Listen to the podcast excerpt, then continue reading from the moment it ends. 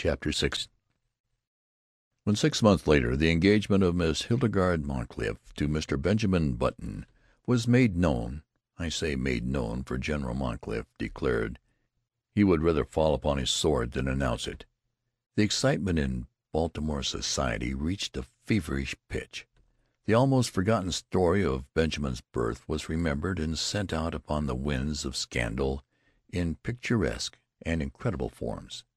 It was said that Benjamin was really the father of Roger Button; that he was his brother, who had been in prison for forty years; that he was John Wilkes Booth in disguise; and, finally, that he had two small conical horns sprouting from his head.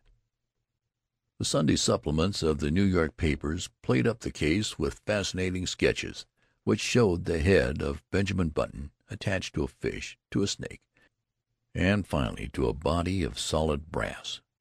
He became known journalistically as the "mystery man of Maryland," but the true story, as is usually the case, had a very small circulation.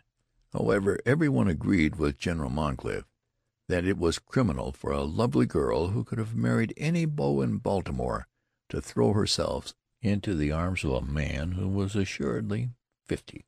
In vain Mr. Roger Button published his son's birth certificate in large type in the Baltimore Blaze. No one believed it. You had only to look at Benjamin and see. On the part of the two people most concerned there was no wavering. So many of the stories about her fiancé were false that Hildegarde refused stubbornly to believe even the true one. In vain General Moncrief pointed out to her the high mortality among men of fifty or at least among men who looked fifty. In vain he told her of the instability of the wholesale hardware business.